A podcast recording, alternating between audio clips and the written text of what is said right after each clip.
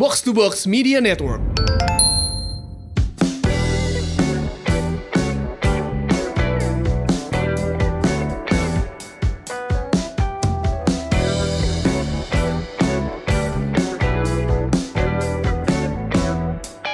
Halo Semurians, welcome back. Ini dia podcast Semur, Sehat dan Makmur. Podcast yang akan mengajak kamu untuk sehat jasmani dan makmur finansial bersama saya FX Mario dan ada teman saya juga di sana. Hai, saya Ligwina Hananto. Hari ini kita mau bahas sebuah topik yang sempat panas Yes. di media sosial gara-gara Mario trolling orang. Bukan gua itu, awalnya ada tuh si Silvi. Enggak, gue pokoknya cuman mau merujuk lu karena gue bacanya lu doang. Tapi itu menarik karena eh, seseorang yang bahkan kita nggak kenal ya, Nggak kenal. nggak jahat tahu sama orang ya gila loh. Jadi terserah lah dia kan punya opini sendiri. Wah, opini sendiri. Heeh. tapi tapi dia tuh pokoknya merasa dan gue yakin nih semurian pasti ada juga dong yang ngerasa kayak gini. Iya, dia ngomongnya gini. Kalau nggak cinta yang nggak usah bikin perjanjian pranikah gitu. Kayaknya Kalau mau nikah, ngapain mikirin bercerai gitu, pakai perjanjian pranikah. Biasa orang point of view-nya begitu tuh. Hmm, Jadi hari ini kita mau ngebahas itu guys. Kita mau Yes. ngebahas tentang perjanjian pranikah, prenuptial agreement. Panas ini. Bayangin lu tiba-tiba ngomongin ini sama pacar. Perang dunia gak sih? Iya. Lo biasanya kan ngomongin nanti abis ini kita nikah mau tinggal di mana, mau Ah. ya binatang apa, ikan cupang atau kucing. Eh anak gitu kita kan. nanti namanya siapa gitu. Tahu-tahu sayang, kita besok mau ke notaris bikin dulu perjanjian pranikah, mati gaya nggak lah. Jadi kita akan battle hari ini. Aha. Gue nggak setuju bikin perjanjian pranikah. Menurut lu gimana, Mar? Gue setuju bikin. Gitu. Jadi sebelum nikah itu eh, ya emang Mau bikin. berantem gagal gitu malah ketawa. Ya gimana? tunggu, tunggu, tunggu. Jadi, jadi ini biar semuanya tahu, gue nggak punya perjanjian pranikah, Mario punya perjanjian pranikah ya. Hmm. Oke, kita bahas dulu, Mar. Em, kenapa lu bikin perjanjian pranikah? Sebenarnya, oh ya, eh, ngurusin dikit. Ini kayaknya sebenarnya kata-kata terminologi hukumnya perjanjian kawin ya, perjanjian perkawinan. Perjanjian kawin, nah. Mm-mm. Dan kenapa ada? Karena ada undang-undang perkawinan Ya. yang dibuat di tahun 1974. 74. Gue aja belum lahir. gue sekali-sekali pengen merasa muda, guys. Gue aja belum lahir. Ada undang-undang nomor 1 tahun 1974 yang ternyata isinya membahas tentang perkawinan. Di antaranya tuh bunyinya, gue bukan orang hukum ya, jadi nanti kita akan cari narsum orang hukum untuk bahas Mhm. ini. Tapi di antaranya bunyinya tuh gini, perkawinan di Indonesia itu adalah antara laki-laki dan perempuan untuk membangun rumah tangga. Gitu ceritanya. Lalu di dalamnya tuh menjabarkan juga bahwa ini bukan kalimat persisnya ya, tapi ini tafsir gue dan eh, boleh berbeda tafsir kan. bahwa bahwa apa yang dihasilkan sesudah menikah menjadi suami Milik istri bersama. itu milik Mhm. bersama. Mm. Tunggu sebelum kita bahas Mario punya perjanjian pranikah nih. Ya. Gue pernah datang ke sebuah acara hari Kartinian gitu deh gitu. Jadi acara keperempuanan gitu Hmm. yang membahas tentang perjanjian pranikah, tentang hak-hak perempuan dan lain-lain. Terus gue bercanda-bercandain tentang undang-undang perkawinan yang di antaranya menyebabkan apa-apa tuh milik bersama sehingga efek tidak langsungnya itu perempuan tuh suka kayak nggak punya apa-apa mah. Mhm. Yang gue rasain ya, NPWP gue aja gabung suami gitu Yes. loh. Aha. Terus em, punya apa-apa itu tanda tangan tuh berdua dengan Ya. posisi gue sebagai istri gitu tau nggak? Ya. Jadi jadi bukan Ligwina punya sesuatu sendiri, enggak. Mhm. Laki gue punya apa, gue harus ikut tanda tangan di situ. Gue punya apa pun, laki gue ikut tanda tangan di situ. Tapi karena posisinya gue istri itu jadi seolah gue ikut tanda tangan doang, bukan Ya. karena gue yang punya sesuatu. Nah kita tuh bahas itu bersama Hmm. para, para feminis-feminis ini gitu Hmm. saya acara ada seorang oma-oma nyamperin gue dan ngomong gini, Ligwina, undang-undang itu saya dan teman-teman yang dulu menghadap Ibu Tin untuk membahas. Oh my God, Mario, this is for real. Jadi zaman dulu ternyata latar belakangnya menurut Ya. ibu ini, gue lupa nama ibunya siapa. Menurut ibu ini, zaman dulu tuh bener-bener kayak um, biasanya laki-laki bekerja, perempuan nggak bekerja zaman dulu tuh di tahun 70-an. Iya, iya, iya. buat latar belakang sejarahnya kalian ingat ya kita tuh merdeka 45 terus kita tuh Hmm. ada peristiwa berdarah 65. 65. jadi krisis yang besar sekali dari tahun 65an Ya. Da- jadi sampai ke tahun 70-an tuh Indonesia tuh kayak Belum yang baru membangun Ah, ah. Hmm. jadi pekerjaan tuh gak banyak waktu itu rata-rata orang bekerja itu misalnya pegawai negeri atau apa kerjaan-kerjaan kecil Ah. dan laki-laki yang kerja Dokter Guru, gitu kan. Mm-mm. tapi perempuan itu kebanyakan di rumah. Nah, kejadian-kejadian yang bikin organisasi perempuan ini melobi undang-undang Ya. ini adalah karena kalau suaminya mau kawin lagi, si ibunya ini, si istrinya ini dipulangin ke rumah orang tuanya, terus ditinggal begitu aja. Lalu si Uh-uh. suami ini bersama istri barunya menguasai rumah mereka. Oke. Jadi untuk melindungi si perempuan-perempuan ini, ntar dulu kalau lo mau cerai, ini harus milik bersama. Jadi itu harus dibagi dua Bagi dulu, dua. baru lo bisa kawin lagi. Oke. Gitu ternyata menurut Jadi si konteksnya ibu ini konteksnya di tahun 70-an tuh begitu. ada untuk melindungi perempuan juga saat itu gitu kan. Ah-ah. Oke, jadi kita kalau ngomongin sesuatu nggak boleh lupa sama konteksnya Iya. ya soalnya. ya. Jadi Betul. ada latar belakang cerita itu dari Hmm, ibu hmm. yang tahun 74 udah jadi aktivis perempuan. Gila Yes, sih keren banget yes, gak sih yes, perempuan yes, ini yes, gitu. Yes, yes, yes. Masalahnya waktu itu gue di tahun 2011 apa 2010 gitu ya waktu itu ya. Hmm. Jadi ini juga udah lama juga. Gue itu waktu itu ketemu banyak sekali kasus Mhm. di mana suami istri bekerja, lalu ada contoh-contoh kasus ekstrim yang Mhm. kayak gini, istrinya kerja, suaminya itu punya bisnis tapi nggak pernah ngasih nafkah. Ya, Waktu mereka pisah, itu KPR istrinya yang bayar Iya. bagi dua rumahnya, Bo. hmm, oke. Dar. Jadi, wah kacau banget menurut gue ini. Jadi hasil kerja keras si perempuan ini harus dibagi hasilnya, dua sama iya. laki yang cuma nebeng doang. Sebaliknya Hmm. tentu saja berarti kalau si lakinya kerja istrinya jadi berumah tangga bagi dua juga gitu. Mhm, Tapi kan mhm. jadi konteksnya beda si Ya. si perempuannya di satu posisi yang gak berdaya, si Hmm. satu sisi si perempuan yang berdaya dia malah jadinya harus bagi hasil kerja keras dia. Ya. Ini yang membuat gua si undang-undang ini repot juga ya gitu. Hmm. Sekarang kita ke perjanjian kawin versi lu, Versi cerita gua. lu. Eh, iya, kalau yang nanti teknis hukum kita ngobrol sama, sama narsum yang lebih serius aja ya. Kita ngomongin pengalaman Mm, aja Ini di kita sini ngomongin ya. pengalaman aja ya. Oke, kalau gue itu eh, waktu, oke, gue dulu eh, punya teman lawyer yang ketika waktu kami, gue dan eh, istri gue mau menikah, eh, kita waktu itu lagi, gue inget banget kita lagi jalan bareng, lagi main bareng, dia ngomong, eh lu kan udah mau merit Mar, iya kenapa bang? Nah, eh, lu bikin perjanjian pranikah, gue bilang buat apa gitu kan? Eh, duit Oh jadi bahkan lu awalnya juga tidak Nggak tahu. berniat bikin. nggak berniat bikin tapi karena gue terpapar sama teman yang anak hukum eh, dia bilang gini eh, lo mau selamanya jadi pegawai nggak ini dia bukan motivator ya dia bukan motivator yang nanya Bakar kapalnya gitu kalau motivator bilang. Dia nanya lo suatu saat mau punya usaha nggak? Oh mau lah gue bilang gue emang pengen punya usaha suatu saat gitu kan. Nah ini perjanjian pranikah ini menurut dia eh, tujuannya untuk melindungi istri dan anak lu kelak. Misalnya lu punya perusahaan itu kan berarti kan kalau eh, misalnya sosial-sialnya perusahaannya gagal dan bangkrut itu kan pasti eh, harta si pemilik bisa aja dilikuidasi untuk membayarkan kewajiban si perusahaan kan. Ya. Nah, tujuan perjanjian pranikah ini untuk memiliki harta yang dimiliki istri, biar kalau misalnya sosial-sialnya gue kenapa-napa deh Nggak sampai ha-ha. Mm-mm. harta yang atas nama istri nggak kebawa-bawa, mau diambil ya udah ambil aja yang punya gue atas nama gue gitu kan, kan gue yang gue yang tanda tangan, gue yang tanggung jawab, dia udah terpisah, jadi dia nggak ikut-ikutan gitu. Jadi kalau misalnya sosial-sialnya gue bangkrut, anak dan istri gue nanti akan baik-baik saja dengan hartanya dia. Ah, Itu latar belakang Latar yang belakangnya. mengatakan sama temen lo yang layar. Hmm, hmm, hmm.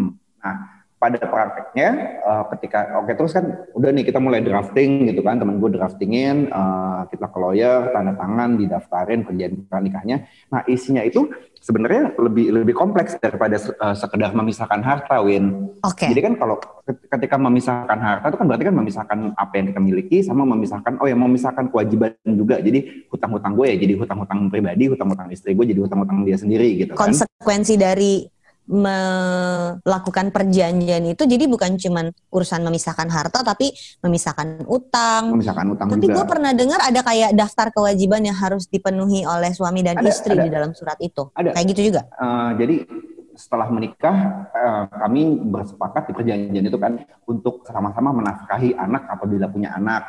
Apabila nanti pun ber, kalau bercerai, ayah dan ibu dua-duanya berkewajiban menafkahi anak. Jadi itu juga diatur gitu. Oke. Okay. Mm -hmm. Very interesting. Itu ada angkanya nggak, Mar? Enggak, enggak, enggak. Enggak, enggak menyebut di, di tempat lo tuh enggak menyebut angka. Apakah angka. kemudian berarti itu sebenarnya cukup fleksibel untuk dibahas. Jadi hmm.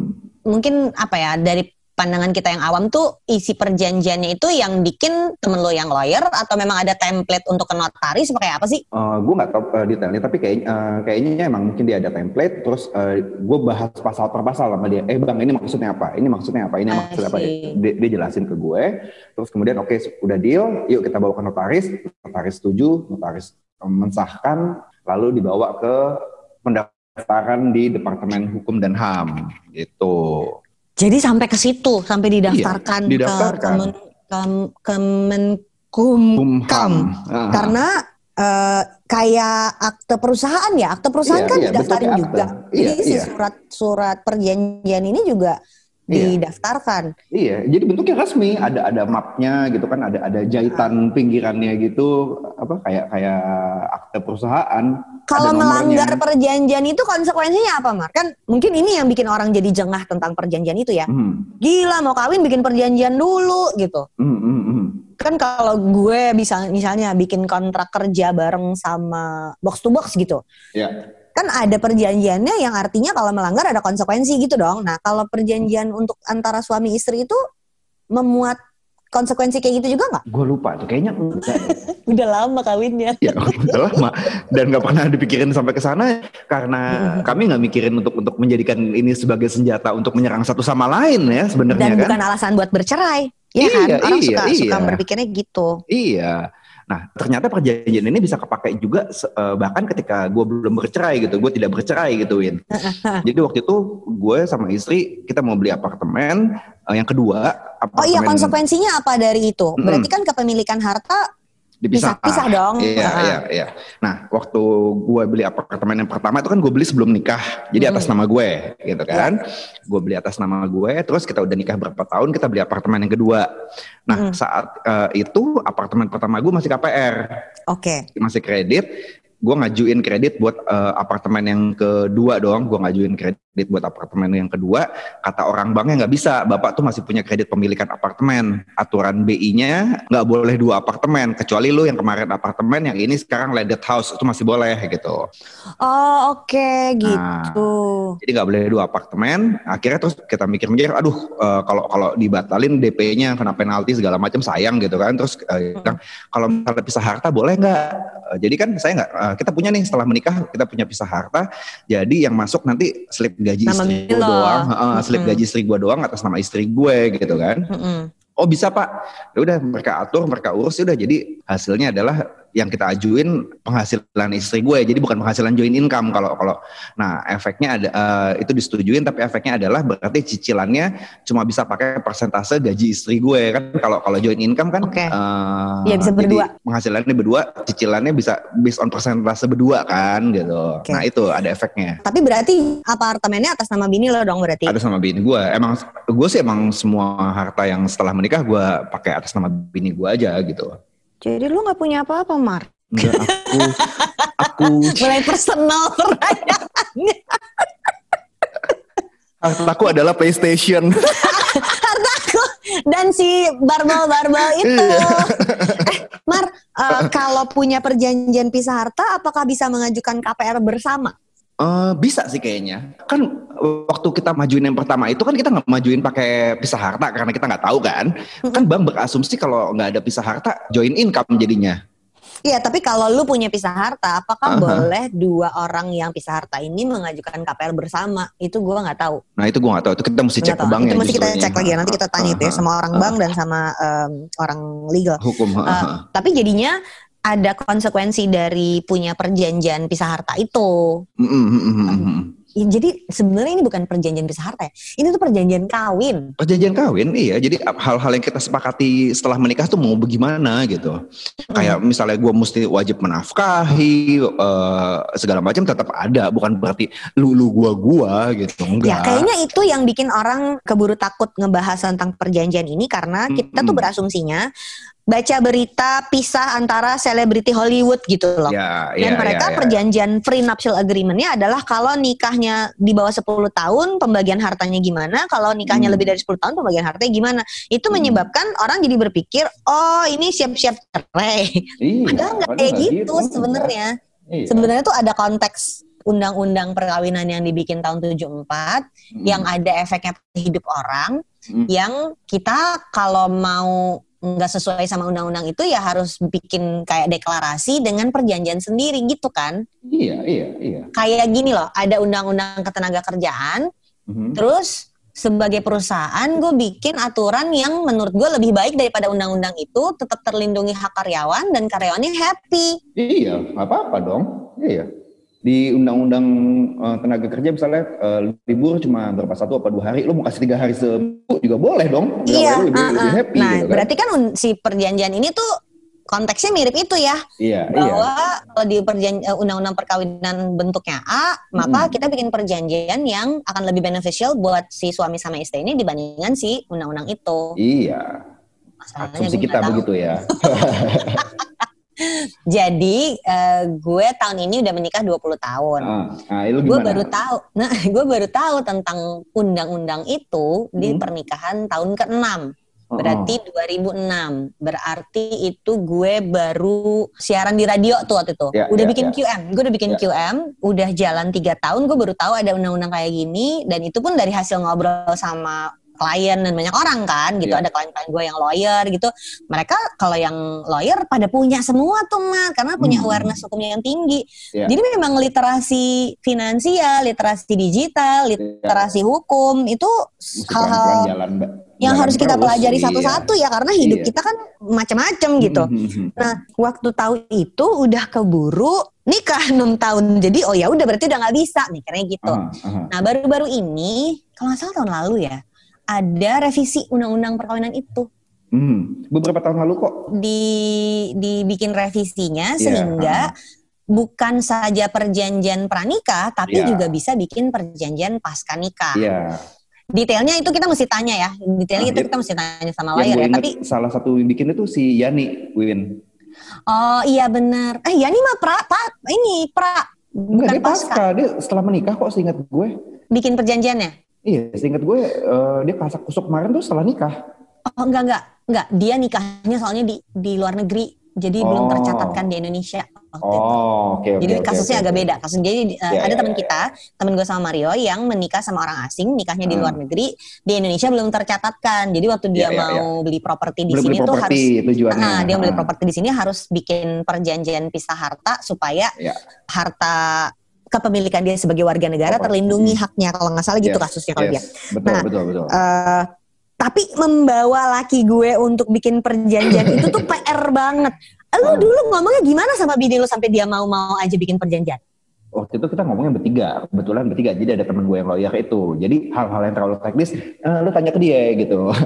Tapi gue ngomong, Karena kan takutnya ini gak sih tersinggung lah. Ya kan obviously dia tidak tersinggung dan Ah. sepakat untuk tanda tangan itu dan pernikahan kalian baik-baik aja sampai hari ini. Iya, tapi iya, iya. tapi waktu pertama kali mau bawa topik itu gue bisa bayanginnya semurian Ah. dengerin ini terus semuanya yang oh gimana caranya ngomong sama calon gitu kan. Iya, iya, iya.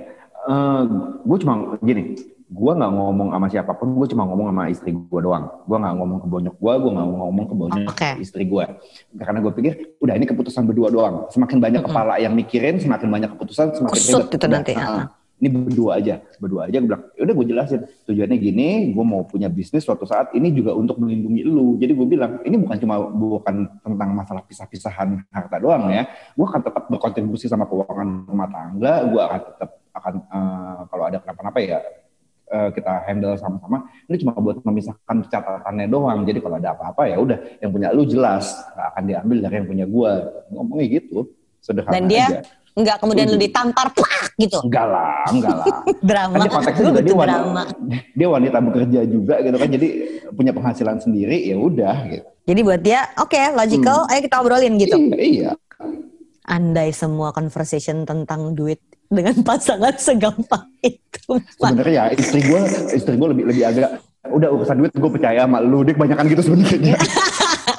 Nah ya, gue itu nggak berani nanya sama laki gue tentang mana punya gue, mana punya dia sampai 2010 tau nggak? Aha.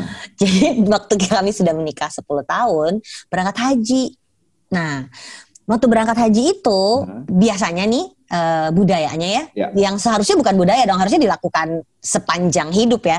Ya. Tapi budayanya orang kalau berangkat haji itu adalah kita mau berangkat haji dan harus melepas dalam tanda kutip keduniawian. Jadi kalau Ya. sampai meninggal di sana ikhlasin. Ya. Sampai kayak gitu orang kalau berangkat haji karena zaman Ya. dulu kan berangkat hajinya naik kapal laut dua bulan Iya, perjalanan gitu risikonya kan. tinggi.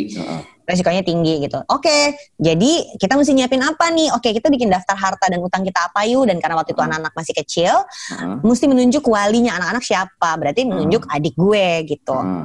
Nah, waktu mau bikin daftar harta yang mau dikasihin ke adik gue supaya dia punya pegangan, Heeh. terjadilah diskusi itu. Heeh. Yang mana yang punya lo, yang mana yang punya gue gitu. Heeh. Dan kami kan tidak punya perjanjian pisah eh, harta kan. Iya. Jadi di situ gue cepet-cepet masuk dong. Berdasarkan undang-undang perkawinan tahun 1974. Laki gue nanya aturannya gimana? Berdasarkan undang-undang semua milik bersama gitu. Karena gue cemas. Posisinya adalah dia yang kerja eh, di awal pernikahan tuh kan posisinya dia yang kerja gue enggak. Heeh. Kemudian gue punya perusahaan, dia tetap kerja. Waktu itu kan laki gue belum berhenti kerja untuk bikin bisnis ya. Waktu itu jadi dia pemberi nafkah utama keluarga dengan karir di bank asing yang cukup tinggi gitu kan. Ya, Jadi ya yang membiayai semua. Makanya rumah atas nama dia, mobil atas nama dia. Hitung hitungannya gue tuh gak punya apa-apa gitu. Mm, mm, Jadi mm. pas gue tanya berdasarkan undang-undang kayak gini mas, oh ya udah, jadi semua milik bersama. Rumah atas nama kamu punya siapa mas? Punya bersama. Mobil atas nama kamu punya siapa mas? Punya bersama. Gue tuh yang alhamdulillah. Habis itu gue tanya gini, mas perusahaan atas nama aku punya siapa? Dan dia jawab dengan tertawa lantang, hahaha punya bersama. Katanya gitu.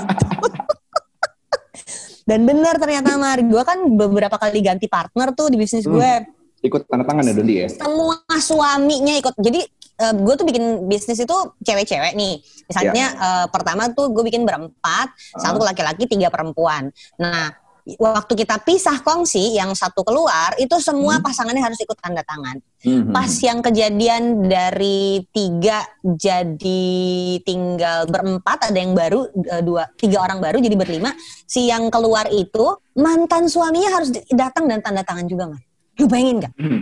mantan suaminya partner gue harus datang ke notaris untuk ikut tanda tangan dan kita semua tegang waktu itu karena gini waktu kita pisah kongsi sama si partner ini Hmm. bikin perusahaannya kan zaman mereka masih menikah Ya. begitu pisah mereka udah cerai lu bayangin gak kita deg-degan karena perusahaan ini kan berarti secara hukum milik mereka Ada berdua pemilik, juga iya, kan iya, gitu iya, lah iya, si iya, si iya. mantannya itu secara Ada hukum kan juga. pemilik bersama jadi si mantannya itu harus datang ke notaris untuk tanda tangan dan kita semua kalau mantannya nggak terima dan minta bagian Iya. gimana gitu kan Iya, gitu iya, udah iya, iya. kalau terus terus mantannya gue gak mau tanda tangan kalau gue gak dikasih duit Oh, gue takut oh. kayak gitu karena si mantan partner gue ini kan kasihan dong itu kan Iya. uh, punya dia gitu loh dan Ya. dan mereka tuh udah pisah gitu loh kalau mereka waktu itu masih menikah ya tanda tangan milik duitnya buat mereka berdua untungnya waktu itu si lakinya entah kenapa datang tanda tangan dan bilang gini gue tau kok ini hasil kerja keras lu semua dan gue nggak ikut di dalam itu tanda tangan Oke. tapi kan betul. sebetulnya secara legal dia boleh minta boleh minta ah, karena dia dianggapnya ada hak di situ juga karena jadi milik Mm-mm. bersama kan. Hmm. Jadi jadi ini menurut gue yang kita mesti pahami Ya, ada ya. konsekuensi. Jadi kita bebas memilih mau pakai perjanjian atau enggak ya sih, Mak? ya betul Kan? setuju. Lu punya perjanjian, gue nggak Hmm. punya perjanjian, dan Hmm. dua-duanya masih menikah aja. dan baik-baik aja Iya, gitu kan. Tapi ada konsekuensi dari tidak punya perjanjian dan punya perjanjian itu dan itu kayaknya yang mesti kita ulik kalau kita ketemu Ya. sama orang legal untuk bahas Ya. ini ya. Boleh, kalau nggak punya konsekuensinya apa dan kalau punya Hmm. konsekuensinya apa. Hmm. Oke. Menarik. Dan satu hal yang paling penting adalah da- daripada ribet-ribet meyakinkan semua orang mesti bikin prenup atau tidak usah punya prenup, lebih baik yakinkan satu orang, pasanganmu.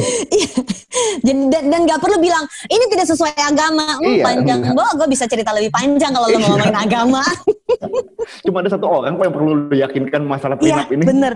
Jadi Iya kan? nggak nggak perlu bikin campaign ayo punya perjanjian Iya, nggak perlu. kawin juga karena ya sekarang obrolannya antara lu berdua. Iya. Bener kata lu tadi ini bahkan obrolannya bukan antara lu sama orang tua loh, tapi Iya, lu berdua karena nanti yang menjalani lu berdua. gitu. bener.